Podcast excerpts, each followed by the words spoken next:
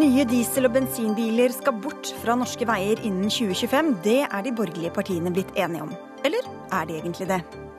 Hvor alvorlig er sykdommen din? Hvor nyttig er behandlinga, og hvor kostbar er den? Det er kriteriene helseministeren vil at legene skal prioritere etter i tida framover. Sædalarmen er gått på Rikshospitalet. Landets eneste sædbank har stor mangel på donorer.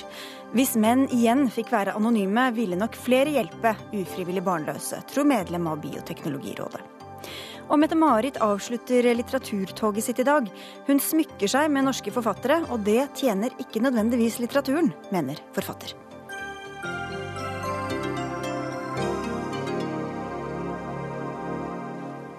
God fredag ettermiddag. Dette er Dagsnytt 18 på NRK P2 og NRK2. Jeg heter Sigrid Solund. Et stort forsideoppslag i Dagens Næringsliv kunne fortelle oss i dag de borgerlige partiene er blitt enige i behandlinga av energimeldingen, hvor de setter som mål at det skal bli en slutt på salget av bensin- og dieseldrevne biler innen 2025. Det var i hvert fall fortellinga helt til Høyre gikk ut og sa at det ikke var helt sånn det var, til tross for at Høyres egen klima- og miljøminister begeistret tvitret om oppslaget, var partiets nettsider raskt ute og kalte det misvisende. Ingen fra Høyre eller Frp kunne komme til Dagsnytt 18 i dag, men Ola Elvestuen fra Venstre, du leder energi- og miljøkomiteen på Stortinget og har vært med å forhandle om disse eh, ja. resultatene. Så kanskje du kan forklare oss hva er det egentlig dere er blitt enige om? Nei, Det er grunn til å være begeistret for denne enigheten. For det vi nå gjør med energimeldingen, er at vi knytter den direkte opp mot målsetningen som er i Parisavtalen. At vi skal også ned 40% med utslippene også i Norge. Og det det innebærer, er jo at da må alt nybilsalget fra 2025 være nullutslipp. Og det vi gjør, er at vi følger da de faglige rådene og slår det fast i enigheten som ligger som transportetaten, altså Veidirektoratet og andre, har sagt at vi må få til i forbindelse med Nasjonal transport, transportplan. Så dere er enige om at ingen nye diesel- eller bensinbiler skal selges i Norge i 2025? Ja, Vi skal nå det målet. Dette er jo en energimelding, så det er jo en målsetting. Og det vil jo være et sett av virkemidler for å få dette til. Det er bl.a. en bestilling som må gå til Enova, så hvordan får det opp det, så vi får opp det, den infrastrukturen på ladesystemer som vi er nødt til å ha, også i forhold til eh, hydrogen. Det er bestillingen inn til Nasjonal transportplan. Det er masse vedtak som vi også tidligere har gjort, at de offentlige skal jo kjøpe inn eh, det som er nullutslippskjøretøy. Eh, og det vil også selvfølgelig være sånn at skatte- og avgiftssystemet må innrettes mm. sånn at vi når dette målet. Men så var det altså sånn at Tina Bru, som er Høyres representant i den samme komiteen, kalte dette oppslaget for misvisende. Hun sa at dere ikke er blitt enige om å forby salg av utslippsbiler. Men hva er galt og hva er riktig i det som Dagens Næringsliv skrev? Når vi, når vi gjør dette riktig, og med det ambisjonsnivået, med målsettingen som vi har, så er det jo ikke et forbud som er eh, nødvendig i 2025. Det er jo konsekvensen av det vi nå gjør, som skal gjøre. Vi, I fjor hadde vi 18 eh, nullutslippskjøretøy, salg av privatbiler. Eh, I år er det litt ned. Men da må vi altså justere politikken sånn at vi kommer opp i 100% eller tilnærma 100% i 2025. Og det er summen av virkemidler som skal nå det målet. Så ikke noe forbud, men folk skal bare ikke ha noe ønske om du, å kjøpe kom, det? Jeg kommer jo fra et liberalt parti, så jeg liker jo helst at vi skal nå målene uten at vi har et uh, forbud. vi skal snakke om hvordan dere egentlig skal nå de målene. Kari Elisabeth Kaski, du er partisekretær i Sosialistisk Venstreparti. Dere er vel også glad i dag? Det er enighet uh, på alle fronter her? Altså, vi er jo veldig glad for at vi har fått på plass uh, det her målet. Uh, det er et forslag som SV har fremma i Stortinget ved flere anledninger. Uh, og det er bra at vi har et solid flertall bak det. Og det peker ut en retning for, for at vi må kutte mye av utslippene i transportsektoren i løpet av en tiårsperiode. Det som bekymrer oss, er at det ikke etterfølges av noen virkemidler. Og jeg forstår det Ola Elvestuen sier om at dette er en energimelding, og at vi setter, staker opp målsetningene her.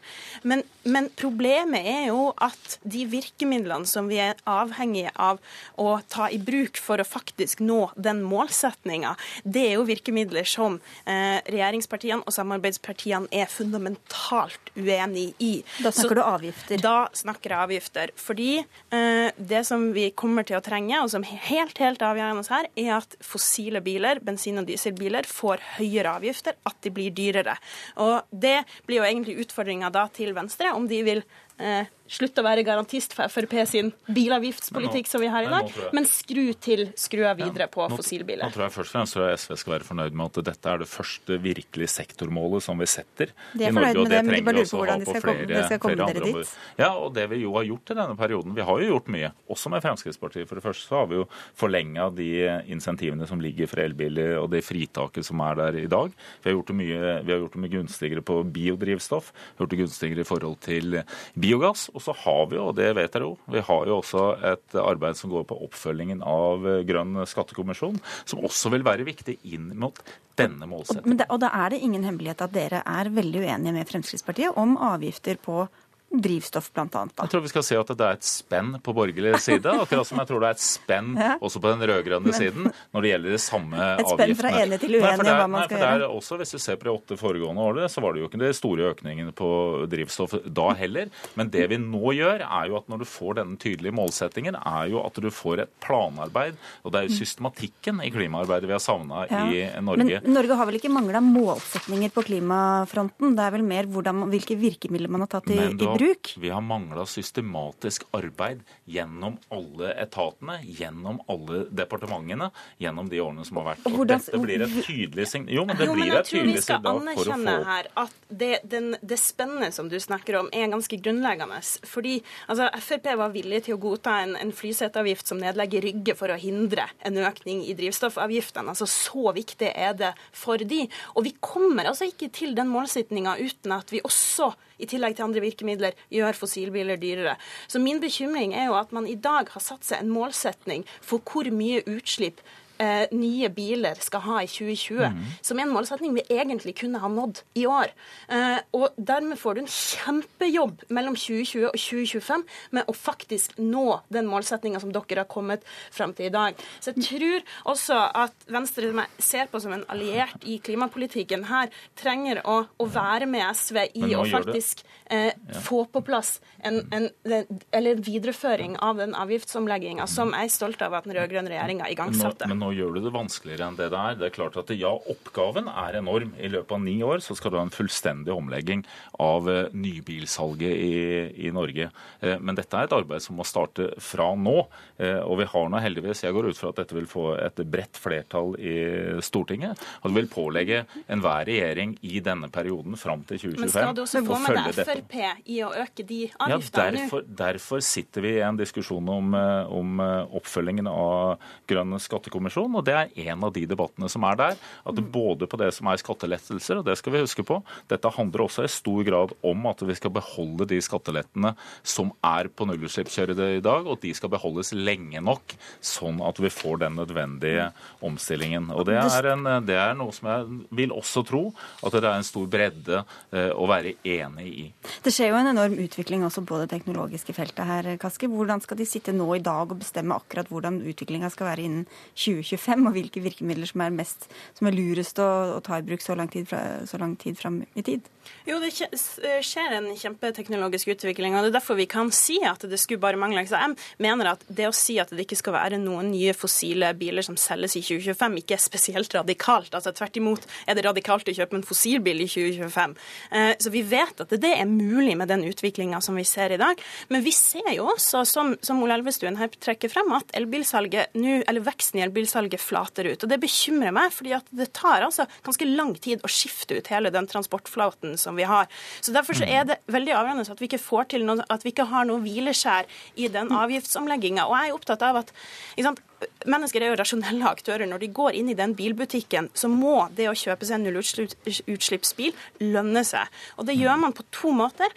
Både gjennom at du har på plass ulike typer avgiftsletter, men at du har en høy avgift eh, på den andre sida igjen for de fossile bilene. Og det er jo det som har vært suksessfaktoren bak at du, du har hatt vekst i elbilsalget i Norge sammenlignet med andre land. Og da er det jo argumenter mot å øke avgiften også, ja. som vi kjenner, altså på, også på fossil, altså med tanke på privatøkonomi osv. Men dere er tross alt enige om å gjøre det. da, og Da er spørsmålet tilbake til hvordan skal dere få Frp med på å gjøre det? Venstre og SV er jo helt enige ja, i denne politikken her. Men hvordan skal dere få deres egen regjering med på det? De, det er jo den posisjonen som vi har også inn mot uh, budsjetter. Det er akkurat som man for dere er ikke blitt enige om det nå, i det som ble presentert dette i dag? Handler om, dette handler om energimeldingen og å sette seg tydeligere mål i åra framover. Jeg mener dette er et veldig viktig vedtak. Jeg tror ikke det er noen andre land som er i nærheten av å være så tydelig som det vi nå gjør.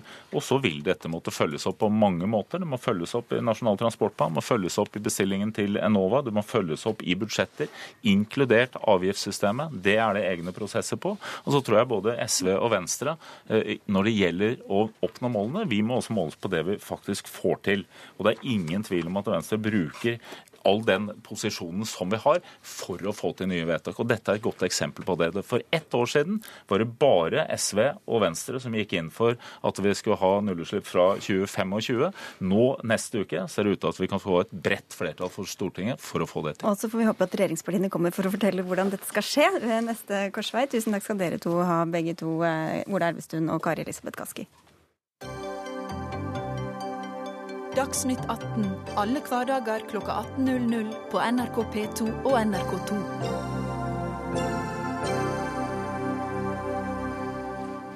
I dag møttes 25 utenriksministre i Paris for å diskutere Israel-Palestina-konflikten. Verken israelere eller palestinere var invitert. Det er Frankrike som har tatt initiativet til en ny runde for å prøve å løse den eh, langvarige striden. Den norske utenriksministeren var også med på møtet, som ble avsluttet i ettermiddag. Den enigheten man kom frem til, er å oppfordre partene eh, til å gjenoppta forhandlinger, og at det internasjonale samfunn stiller seg bak viktigheten av en tostatsløsning, og at dette haster mer enn noen gang. Ikke minst pga. at hvis vi nå ikke ser fremgang, så er det mer og mer en enstatsrealitet som utvikler seg eh, på Vestbredden. Midtøsten-korrespondent Sigurd Falkenberg Mikkelsen, eh, det er vel mye å håpe på at dette ble løst eh, i ettermiddag, men hva kom egentlig ut av møtet i Paris? Det kom ikke all verdens av konkrete tiltak ut. Franskmennene hadde jo i forkant håpet å få til en ganske presis Eh, timeplan og tidstabell for hvordan de skulle gjøre dette framover. Etablere arbeidsgrupper, og så dette skulle munne ut i stor, en stor fredskonferanse mot slutten av året. Det blir ikke noe av. Eh, det er derimot snakk om noen vage eh, enighet om å ha en fredskonferanse, uten at det ble tatt noen konkrete praktiske skritt for hvordan den skal gjennomføres. Mm. Men det som kom ut av det, det er at de fikk løftet Israel-Palestina-spørsmålet opp på den internasjonale agendaen, eh, som jo har kommet veldig i skyggen av alle omveltningene og krigene i andre steder i Midtøsten. Men det høres jo rart ut å ha en eh, konferanse eller et møte uten de to sentrale partene til stede, eller to av de i hvert fall mest sentrale partene, da, altså israelerne og palestinerne. Hvorfor var ikke de eh, invitert? Nei, Det er fordi eh, det er ikke noen mulighet til å få direkte forhandlinger mellom israelere og palestinere. Den uh, muligheten uh, har strandet, sånn at hele prosessen er fastlåst. Så Fra franskmennenes side så var det et forsøk på å gå rundt stridens kjerne, så å si, og skape en internasjonal dynamikk rundt dette. Dette var israelerne meget kritiske til, og har det vært det også i hele dag. De mener jo at denne konferansen gjorde at Eh, fred nå er lenger borte enn det var tidligere. Palestinerne har vært mer positive, for de føler seg som den svake part der og trenger det internasjonale samfunnet. Eh, og de har vært mer positive til Paris-konferansen. Marte Heian Engdahl, du er førsteamanuensis i historie ved Universitetet i eh, Oslo. Hvorfor er det nettopp Frankrike som har tatt dette initiativet nå? Ja, Det er sikkert flere grunner til det, men en av dem må vi jo bare si at det handler om fransk eh, ønske om å være en mer relevant spiller i internasjonal politikk. Det er et eh, tidligere stormakt som ikke har så mange strenger å spille på lenger, og det er et forsøk på å prøve å skaffe seg eh, en albue seg til et rom der. Eh, men i tillegg så er det jo det her ønsket om å internasjonalisere den fredsprosessen som Falkenberg Mikkelsen eh, henviste til her, kommer jo opprinnelig også fra palestinerne. Og det er jo ikke noe tvil om at Frankrike som EU-stat osv. er en av de aktørene som er veldig fortvilt over den fastlåste situasjonen. Og det er kanskje det som er, er faktum her, at det er en slags desperasjon, og en, at realiteten er helt fastlåst. Og så prøver man nesten hva det skal være. Ja, men hva kan et sånt forsøk få å si, da? Som det ble sagt her, det er jo veldig lite som kan komme ut av det her. Mest av alt fordi eh, det har for det første vært ganske eh, slett diplomatisk eh, håndverk i forkant av møtet. Det har ikke vært noe eh, godt forankra i det internasjonale samfunnet. Og ikke minst så er jo Washington DC helt imot. Og de dukka jo opp. Kerry var på møtet til slutt, men det har ikke vært noe. De har jo bedt franskmennene om å kutte ut og holde, holde seg unna og utsette dette initiativet i mange runder allerede. Så Hvorfor er de så skeptiske, da, USA? Det er vel hovedsak to årsaker til det. At for det første at eh, USA er Israels nærmeste allierte, og som det ble sagt her, så er Israel veldig imot det sporet her. Og for andre så vil ikke amerikanerne at Frankrike skal ta den plassen i det, i det forhandlingssporet. De vil gjerne styre den skuta sjøl. Hva med de andre landene i Midtøsten, eh, Sigurd? Hvordan eh, ser de på denne prosessen og dette initiativet? Ja, Det er ganske interessant. for det er ikke noe tvil om at De arabiske statene har brukt eh, dette tomrommet som har oppstått eh, i konflikten, eller rundt konflikten, eh, til å markere seg ganske kraftig og ganske tydelig. Det gjør det på to måter. Bl.a. ved å puste liv i dette arabiske fredsinitiativet som opprinnelig stammer fra 2002. Det er den ene biten. og Her i Kairo har jo også president Abdel Fattah al-Sisi åpnet for et mulig meklingsforsøk i Kairo. Det var en svær diplomatisk manøver underveis her, men det strandet eh, i hvert fall i første omgang da eh, Benjamin Netanyahu utvidet regjeringen mot høyre istedenfor å gå mot sentrum. Men så har vi også sett en mye tydeligere markering av palestinske eh, palestinske posisjoner. Eh, og Det virker i hvert fall som de har fått med seg av arabiske, mange av de arabiske statene inn på de posisjonene. Og Vi hørte f.eks. Saudi-Arabias utenriksminister var veldig tydelig under uh, møtet i dag. og Det er interessant fordi israelerne har etter hvert utviklet et ganske tett samarbeid med nettopp alle disse sunni-arabiske statene.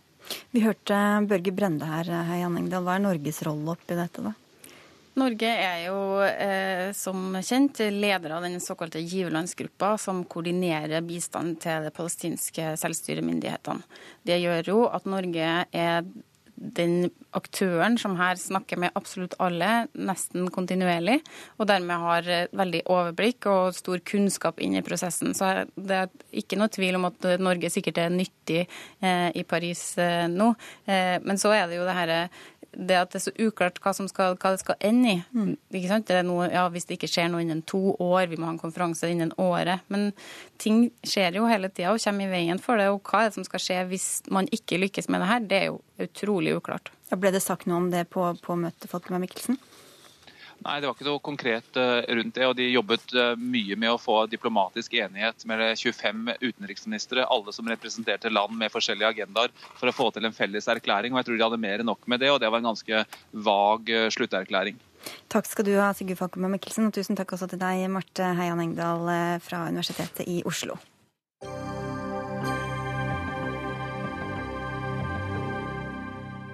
Til tross for at vi bruker milliarder på milliarder på helsevesenet, må vi fortsatt prioritere. I fjor brukte Norge 311 milliarder kroner på helse, og er dermed blant landene i Europa med aller høyest helseutgifter per innbygger. Likevel har vi ikke råd til å hjelpe alle som ønsker eller trenger det, og prioriteringsutfordringene har aldri vært større, sa du i dag da du la fram stortingsmeldinga om nettopp prioriteringer i helsetjenesten, helse- og omsorgsminister Bent Høie. Hvorfor har vi så store utfordringer med å prioritere, prioritere akkurat nå? Nei, Det er fordi uh, vi blir uh, flere eldre. Det kommer hele veien nye og mer kostbare behandlingsmetoder. Og så er det òg sånn at prioritering det foregår i den norske helsetjenesten hver eneste dag. Og det er jo ikke sånn at vi bare må prioritere. Det er òg sånn at det å prioritere etter noen gitte kriterier, det gjør òg at det blir mer rettferdig. Hvis vi ikke gjør det, så blir det urettferdig og tilfeldig hvem som får, eh, får hjelp og, og, ikke. Men i Norge så handler jo veldig ofte ikke prioritering om du skal få hjelp eller ei, men hvilken type hjelp en skal få. Har en helseutfordring i Norge, så får en helsehjelp. Det kan jo være ganske avgjørende, det òg. Det er det. Så derfor er det viktig. Men eh, det, det, blir litt eh, for mye satt på spissen hvis en sier få hjelp eller ikke få hjelp. for Ja. Det er veldig sjelden tilfelle. Men da er det jo noe som skal prioriteres opp, og noe som må prioriteres ned. Og hva er det som skal prioriteres eh, ifølge denne meldinga?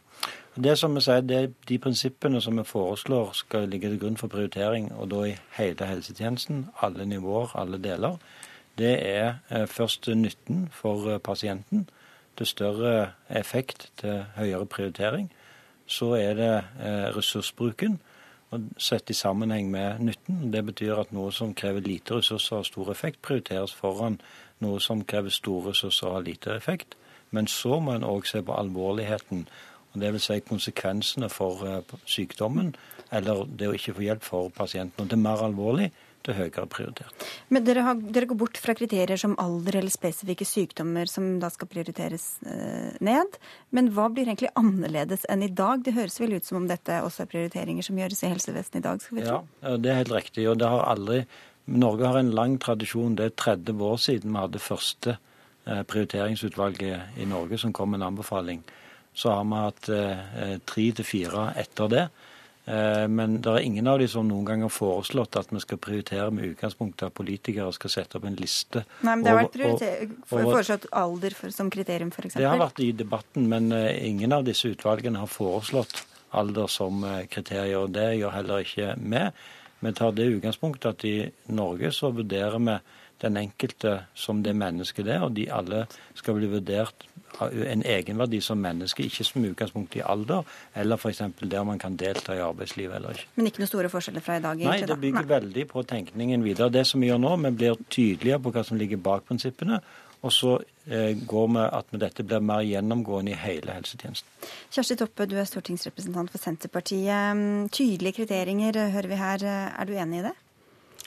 Det er jo kjente prioriteringsverktøy som blir videreført, og som vi har hatt tradisjon for i Norge. Eh, Jeg tenker at eh, Det var jo store forventninger til denne prioriteringsmeldinga. Det har vært en, eh, en debatt i, i media om at vi trenger å prioritere mer enn vi har gjort, fordi det kommer så mange nye tilbud som vi må sette noen grenser for. Sånn sett så eh, syns jeg at meldinga iallfall nå framstår som eh, utydelig på hva blir egentlig konsekvensene, og hva blir eh, endringene. Eh, Hva er betydningen for de som vil ha en dyr kreftmedisin? Hva er betydningen for de med, med MS? Men dette er noe som vi må se på, på videre. Men det er iallfall et sterkt eh, behov for at vi må prioritere tydeligere. Så tenker jeg òg at eh, vi må eh, ta den debatten om hva det offentlige eh, skal finansiere, og hva det offentlige ikke skal finansiere. Og det ser For det ikke slås helt ikke fast her. Nei, ikke så jeg har funnet ut av. Fra en helsepolitisk talsperson til en annen, du for Arbeiderpartiet, Torgeir Micaelsen. Dere etterlyser også mer konkrete og operative føringer. Ja, altså I hovedsak så syns jeg at det er en eh, god melding. og det er som Høie sier, at Den bygger på tradisjoner vi har hatt i Norge. Det nye er egentlig at eh, for første gang så stiller også Frp seg bak at vi må prioritere helsetjenesten. Det syns jeg er helt topp, eh, og bør nå eh, protokollføres for ettertiden eh, når diskusjonene skal komme senere. Jo, men det syns jeg, ja, men jeg synes faktisk det er, veldig, det, er, det er noe helt nytt, men det er noe veldig bra. Eh, Det jeg har sagt i dag, er at, eh, at det er bra, men at den er etter mitt syn for lite operativ. Eh, Ikke i den forstand at jeg mener at den skal liste opp ulike pasientgrupper og si du skal få, du skal ikke få. For jeg er helt enig at det er ikke en rimelig måte å gå fram på. Men jeg savner flere konkrete grep på hvordan rent faktisk disse prinsippene, som er bra, skal operasjonaliseres ute i eh, sykehusene, ute på klinikkene, i møte mellom pasient og behandler. Og Der eh, skulle jeg ønske at det var mer tydelig på eh, beslutt, altså enda tydeligere på beslutningsstøtte, elektroniske, den, den type ting.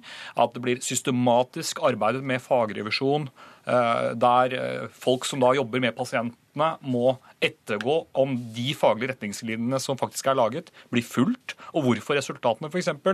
fra sykehus til sykehus eh, er såpass ulike. Vi snakket om dette i Høres forrige uke. byråkratisk ut? Eh, Nei, det er den eneste måten vi kan gjøre dette på. Eh, Og, vi har jo tidligere i dette studioet snakket om at vi f.eks. har eh, fire ganger så mange kneoperasjoner i Møre og Romsdal som vi har et annet, eh, annet sammenlignbart fylke. Og da bør vi bruke disse tallene nå til å prioritere bedre også på hvert Jeg vet dere driver og jobber med akkurat de Altså, kartleggingen jeg, der. eh, men- har stor respekt for at denne meldingen er lagt fram i dag, men jeg kan betrygge Torgeir Micaelsen om at når han får lest meldingen, så vil han finne alt det han sa nå, i meldingen. Dette er blant de eh, konkrete tiltakene som, eh, som foreslås og forsterkes i denne meldingen. Men hvorfor sier dere ikke tydeligere fra hvilke pasientgrupper som skal eh, prioriteres, og hvilke behandlinger som skal prioriteres og prioriteres ned? Nei, For det første så er det ingen utvalg gjennom disse 30 årene som har ment at det var en klok tilnærming, og det er veldig eh, riktig. Fordi at eh, hvis eh, politikere skulle gått inn eh, i den type vurdering, som jo liksom høres ut som eh, Kjersti Toppe mener, så ville det ført helt galt av sted. Fordi medisinen og faget det utvikler seg hele veien. Og Det betyr at noe som eh, kan være riktig å prioritere på et tidspunkt, vil være feil å prioritere på et annet eh, tidspunkt. Og Derfor så er det viktig at eh, etter min oppfatning at politikerne vedtar hvor mye ressurser vi skal bruke på helse. Politikerne vedtar hvor mye, hvilke prinsipper som skal ligge bak prioriteringen, og systemet for prioritering. Men så er det helsetjenesten som gjør de faglige eh, vurderingene under, eh, underveis. Og Det er den tenkningen som nå i denne meldingen forsterkes, men som helt riktig har vært tradisjon. Men det er områder der, der vi har hatt hull i prioriteringen. F.eks. så har vi på legemiddelområdet hatt det sånn at det er to deler. Det ene delen er de er vurdert etter disse prinsippene i dag, men så har vi et stort hull som ikke blir vurdert. og Det vil være feil, og det er ikke bærekraftig over tid. Vi har en stor kommunehelsetjeneste som ikke omfattes i dag. Den vil vi ha et Vi skal eget få inn, vi skal få inn en fjerde person her også. Ole Fridtjof Norheim, du er professor ved Universitetet i Bergen, og du ledet dette siste prioriteringsutvalget. Føler du at eh, helseministeren har lyttet til rådene deres? Ja, jeg har lyst til å si at jeg er positivt overraska. Jeg syns dette er blitt en god og veldig klar melding om prioritering. Og jeg noterer meg at Høie har fulgt mange av våre og Magnussen-gruppens anbefalinger, Det har også vært eh, lydhøre for høringsinstansene. Så det gjør jo at vi nå har mulighet for å få en brei enighet om prinsipper og kriterier for prioritering. Så nå er det veldig viktig at Stortinget, at vi får en forankring i Stortinget for både rolleavklaring og prinsipper og kriterier, fordi at det vil gi mye bedre ryggdekning enn tidligere for de som må stå i tjenesten og ta de vanskelige valgene. Og du er ikke enig i at han burde vært tydeligere på enkelte grupper eller, eller behandlinger? Nei, Det er ikke politikernes rolle å peke ut eh, hvem som skal få eh, hvilke tilbud. Det må eh, avgjøres i det enkelte tilfellet. og Det eh, jobber jo både Helsedirektoratet og andre instanser med, og ikke minst fagpersonene og fagmiljøene. Men det er veldig viktig at de grunnleggende prinsippene er på plass, og det er blitt mye tydeligere og klarere nå. Toppe, du nevnte bl.a. dyr kreftmedisin og MS. Hva slags dilemmaer er det du frykter eller ser for deg?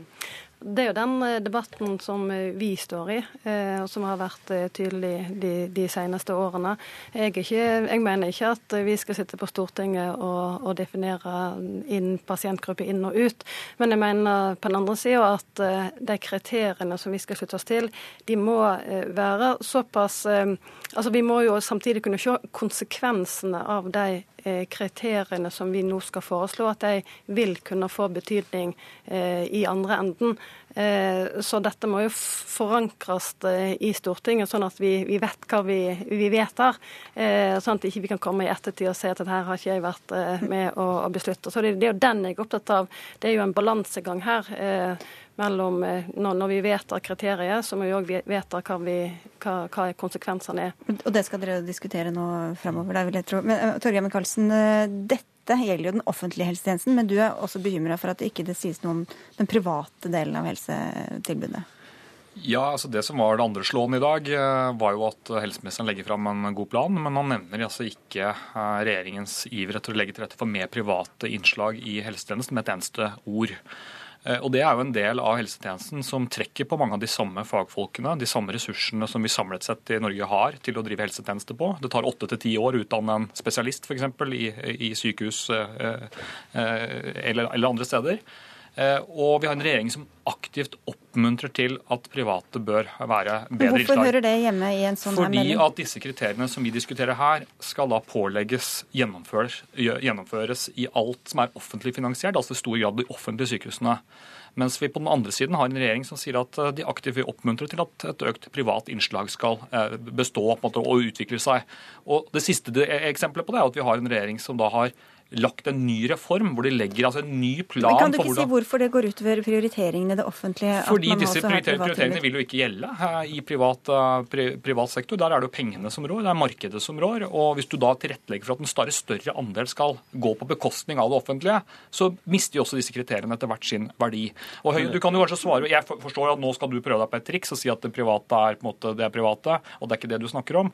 Men denne private reformen din om fritt behandlingsvalg f.eks., i hvilken grad skal dette, disse kriteriene legges til grunn når du skal gjennomføre en reform som sier at pasientrettighetene skal være slik at enhver privat tilbyder, kommersiell også, kan da opprette behandlingsplasser, og så skal offentlige sykehusene betale regninga. Hvordan skal disse prinsippene måte, operasjonaliseres i der?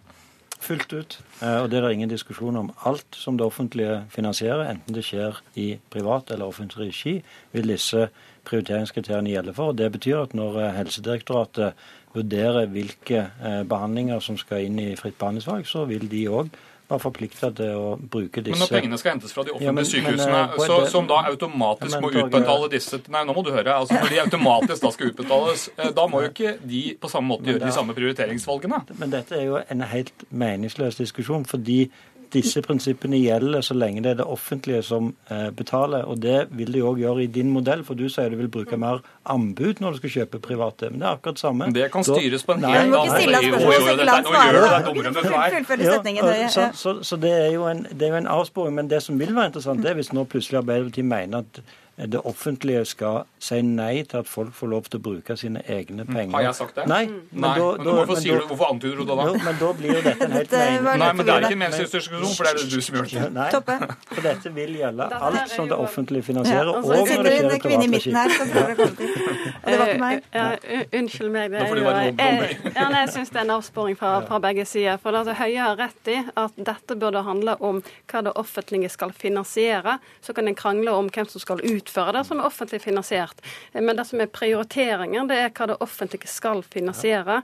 Eh, Og der håper jeg at eh, vi kan få mer, at det blir mer tydelig på det i, løpet av denne behandlingen. Det som gjelder private, da kunne jeg sett på finansieringen. At eh, innsatsstyrt finansiering ble av Norheim-utvalget sagt være en driver. Men det er jo òg en litt annen diskusjon. Men du, Apropos Norheim, fordi du er positiv, hørte vi her i stad, Norheim. Men du er skuffet over én ting, og det er disse prisforhandlingene med legemiddelindustrien. Hva er det du er, savner eller er skuffa over der? Ja, jeg skulle ønske at eh, meldingen var enda klarere på spørsmålet om åpenhet i prioriteringsprosesser, og særlig når det gjelder prisforhandlinger med legemiddelindustrien, der eh, f.eks. kostnadseffektivitet er en type informasjon som er unntatt offentlighet.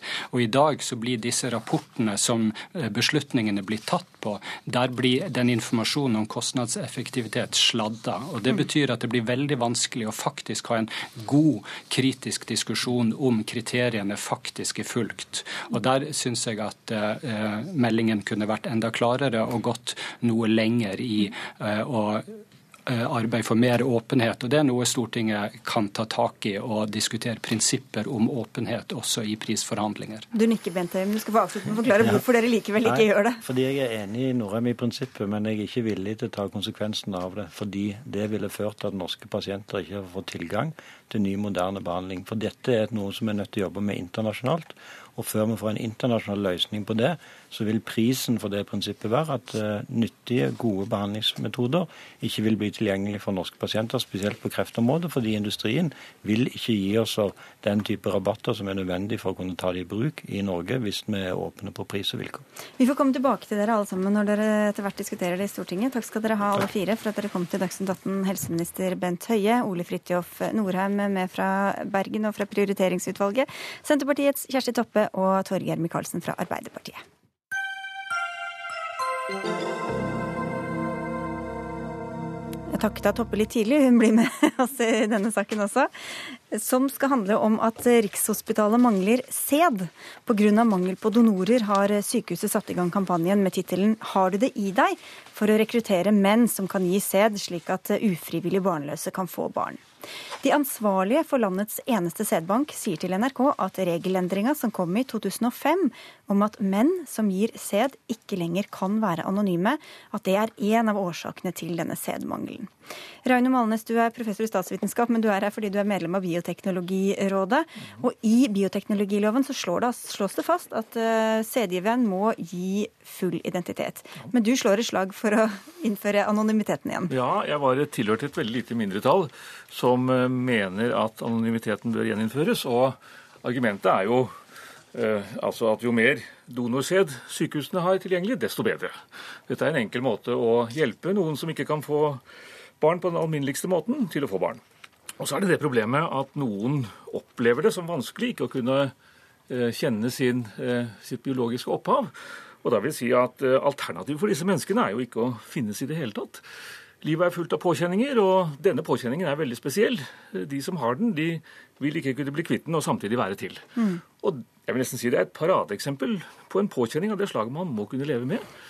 Og jeg tror også at oppmerksomheten, eller i den grad man gjør stort vesen av dette som et problem, så blir det mer et problem enn det ellers ville vært. Ja, Og at det er bedre å være født enn å ikke være det, til tross for at man ikke vet hvem som er Vel, sin altså, biologiske far. Å, å, være til er jo storartet. Og som regel. Eh, problemer som er slik at de bare kan løses hvis man ikke er til, er problemer man må kunne og bør kunne leve med. Og så er det altså sånn at NS-leder for reproduksjonsmedisinsk seksjon ved Rikshospitalet, Gunhild Øyem, sier til NRK at bioteknologiens bestemmelser om dette gjør at nok mange ikke ønsker å være donor. Kjersti Toppe, fortsatt eh, fra Senterpartiet. Dere ivret for å fjerne denne anonymiteten. Hvorfor er det viktigere å få vite hvem den biologiske faren er, enn å faktisk bli født? Jo, en kan jo si det på den måten, men eh, når eh, staten eh, tilbyr assistert befruktning, så har staten òg et ansvar for på hvilken måte det skjer.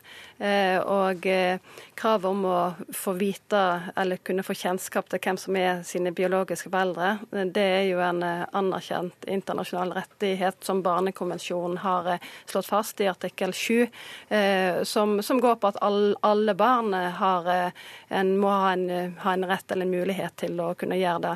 Og Det er noe helt eh, grunnleggende, syns jeg. Og jeg syns på en måte det er rart at vi skal ha den diskusjonen i 2016. Det de gjorde i 2005 var jo egentlig altfor all, all seint. Her må hensynet til, til barna eh, gå foran. Eh, det problemet det blir med at eh, noen da kan ikke vegre seg for å donere sæd.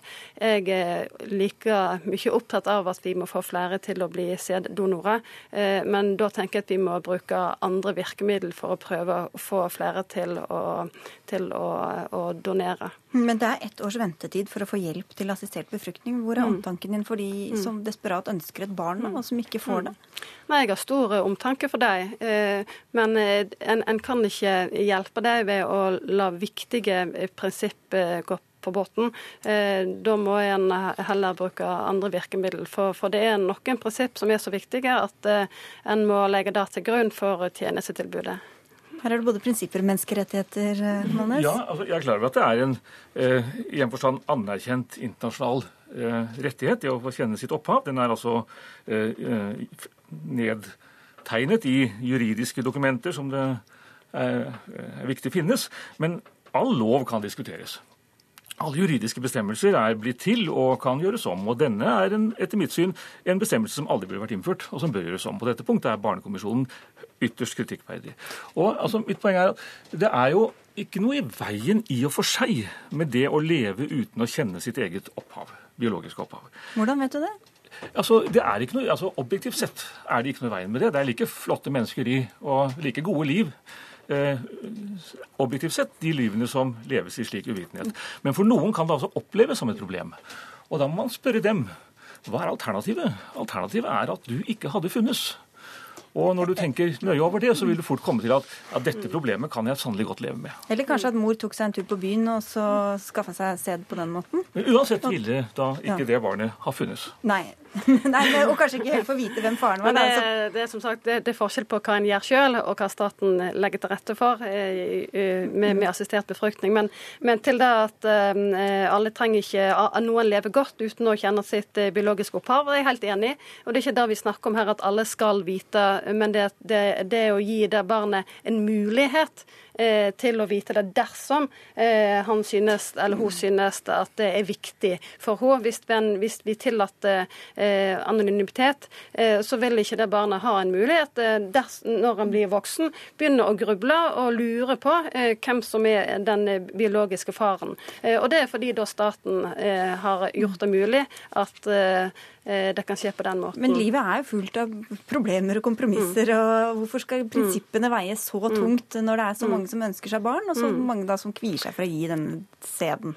Det, det, det, er jo veldig mange ting en kan prøve å regulere som, som rettigheter for, for, barn. Men jeg tenker at når, når Barnekonvensjonen faktisk har eh, understreka dette her eh, så tydelig som den har, så må det bety at uh, dette viser seg å være viktig for, uh, for barn når en vokser opp. Iallfall at det kan være viktig for mange. Og Når vi ser oss rundt, så, så, så vet vi at det er mange TV-programmer som bygger på dette at uh, det kan komme et behov, om ikke når barn er liten, men men når en vokser opp i å få, få vite eh, hvor en kommer fra.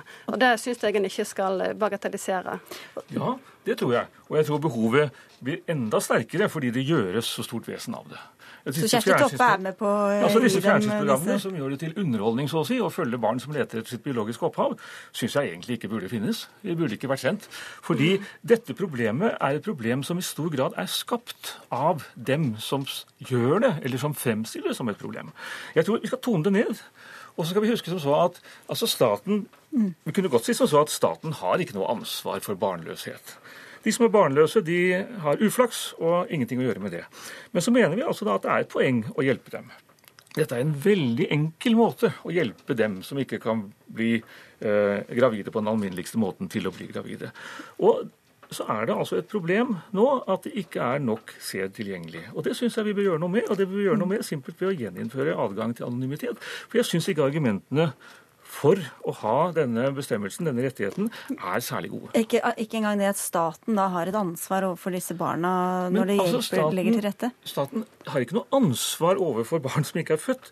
Staten har et ansvar til å ta vare Nei, på de, de som, som lever. Født, og hvis de da blir, jo, hjelper dem å bli født ja, uten å kunne vite hvem Det er helt riktig. Og da kan du si som så at vel, du er altså født. Det er ganske enestående, og du er ganske heldig. Og hvis du attpåtil er så heldig å ha en forelder som tar seg godt av deg, eller en omsorgsperson som tar seg godt av deg Og her er det jo snakk om mennesker som er sterkt motivert til å få barn. De ønsker barn på en mer helhjertet måte enn mange andre gjør. Jo flere barn som blir født av mennesker som ønsker dem på denne helhjertede måten, desto bedre.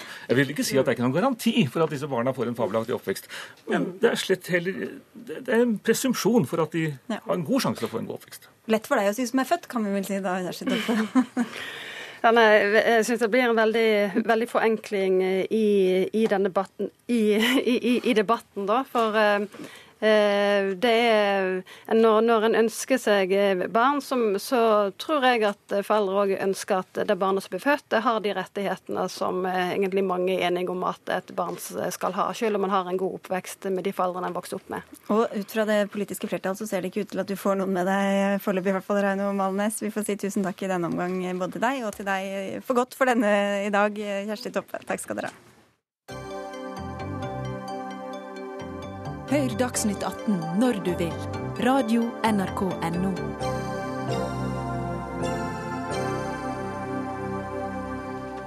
OL i Rio de Janeiro nærmer seg, og verden vil få oppleve storslåtte idrettsprestasjoner til sambarytmer i en festpynta by.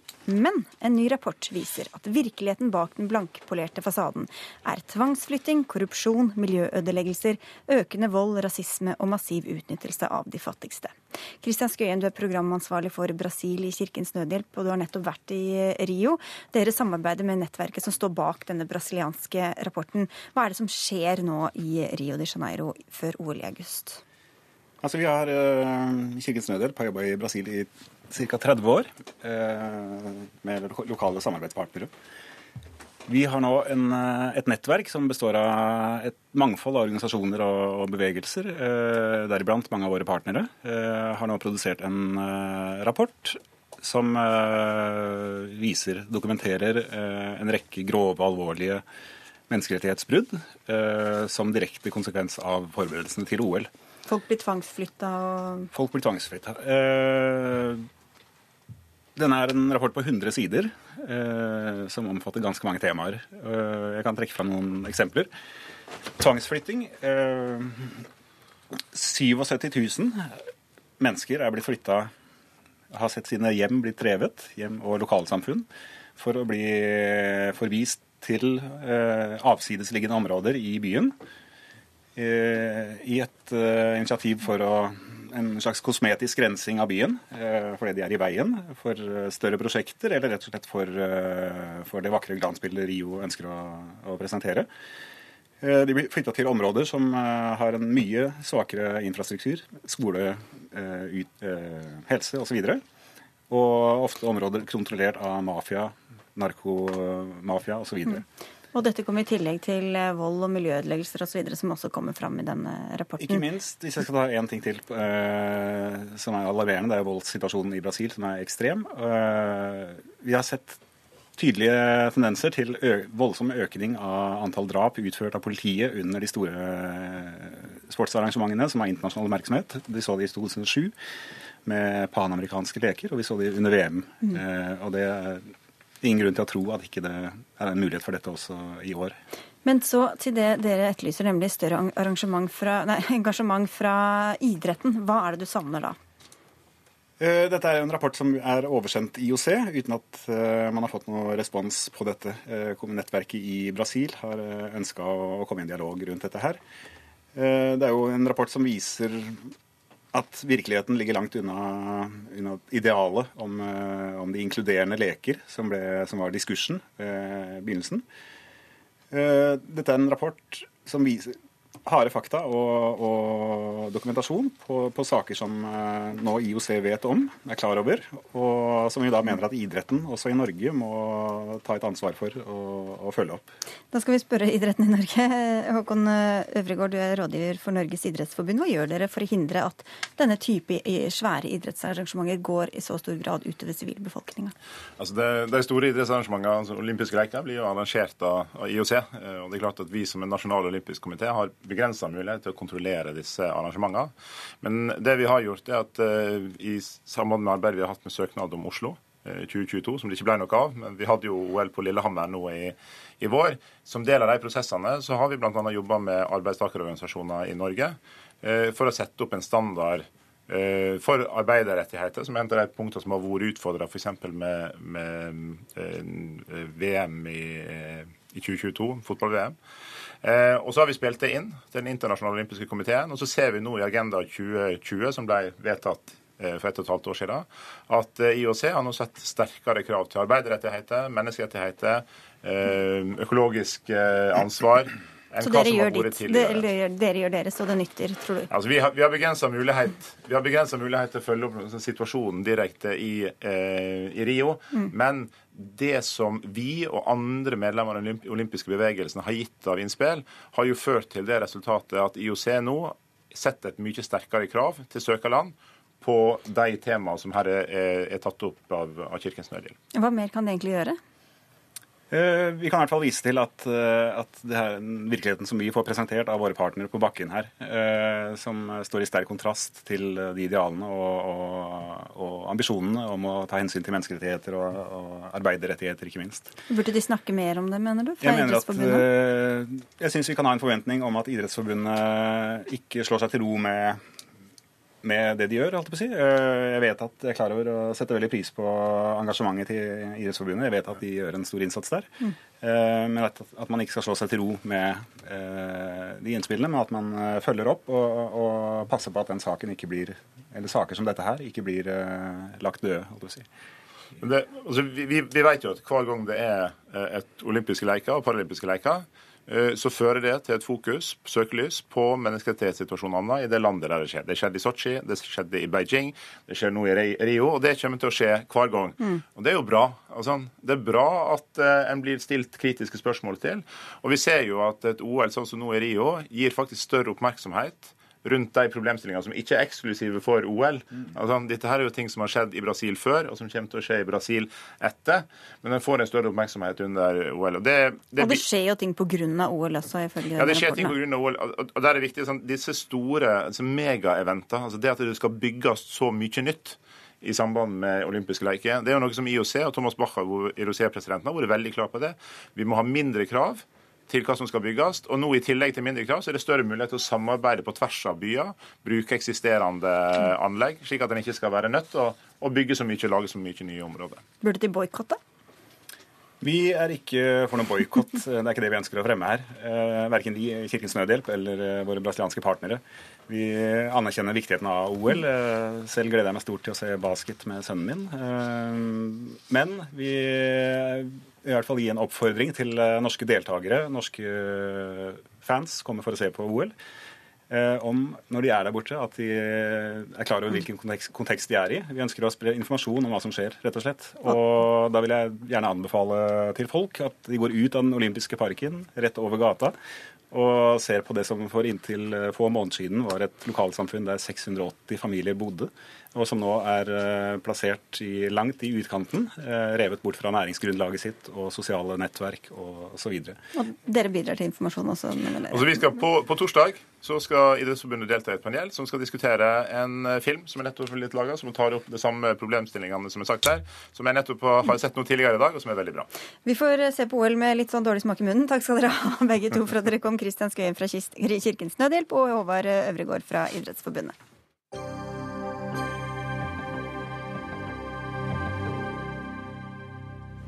De fleste har vel fått med seg at Mette-Marit er interessert i litteratur, noe som bl.a. er kommet til uttrykk gjennom Litteraturtoget hun selv har tatt initiativ til i forbindelse med litteraturfestivalen på Lillehammer.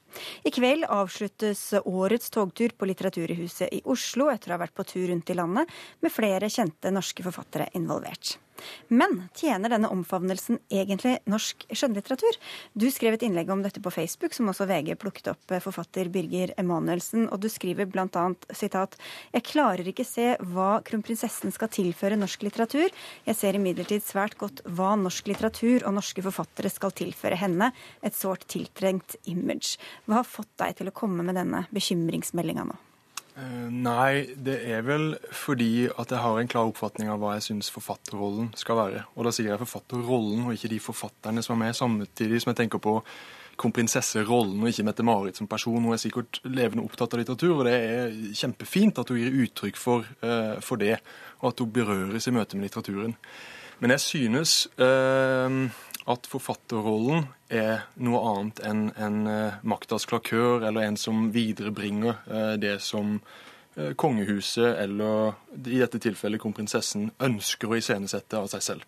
Og Det høres kanskje ut som en, en, en, nærmest en sånn marxistisk kritikk, og det er ikke der jeg kommer fra i det hele tatt. Jeg har bare lyst til å understreke at jeg tror det er så mange områder i samfunnet vårt som er gjennomsyra av strategi og hensyn og posisjon. Jeg jobba som journalist, jeg jobba som forlagsredaktør, og der måtte man alltid ta hensyn. Og jeg søkte til litteraturen, og skjønnlitteraturen spesielt, for der så jeg et fristed. Og jeg tror at hvis vi kompromisser på den friheten som litteraturrollen har, så er det eh, fare på ferde. Mm. Slottet hadde ikke mulighet til å komme til Dagsnytt 18. De sendte bl.a. følgende uttalelse. Kronprinsessen er svært opptatt av litteratur, og litteraturen som nøkkel til å forstå verden og seg selv. Vår tid er full av støy og avbrytelser, og den analoge boken har sterk konkurranse. Kronprinsessen ønsker bl.a. gjennom det årlige litteraturtoget til å bidra til økt leselyst og leseglede. Du har vært med på dette toget, Anette eh, Slettbakk Garpestad. Du er forlagsansatt og blogger. Blir norske forfattere og norsk litteratur et slags gissel da, for kongehuset? Altså, Jeg kjenner jo ikke igjen dette her i det hele tatt. For min del så handler det jo i eh, stor grad om at litteratur åpner opp. Noe skal være tilgjengelig, skal være et sted hvor alle kan slippe til. Og det er det som jeg føler at uh, kronprinsessen prøver veldig å gjøre med Litteraturtoget. Hun uh, reiser ut deler, i deler av Norge hvor det vanligvis ikke skjer ting. Hun uh, tar med seg forfattere på nye steder. Hun åpner opp og gir de en tilstedeværelse på, på andre steder enn det som er vant. Og ikke minst så er det det, det var snakk om den rollen, at du har liksom forfatterrollen i den ene enden, og du har kronprinsesserollen i den andre. Det er jo ingenting i veien for å bruke rollen sin for å fremme det man tror på og det man brenner for. Og det er jo eh, spørsmålet hvem skal da få lov til å formidle litteratur og leseglede? Hvem skal eh, sitte med den definisjonen om hvem som er god nok til å gjøre det? Nei, det, det dette er gode poenger. Jeg, jeg, det begynte også innlegget mitt med at jeg ser alle de positive sidene ved litteraturtoget. Jeg ser hvordan man eh, når ut til eh, deler av Norge som, eh, som eh, kan få litteraturarrangementer og litterære samtaler. Og jeg ser også den ektefølte gleden som, som kronprinsessen har i møte med litteraturen. Og det er kjempebra at folk kan se at litteratur berører.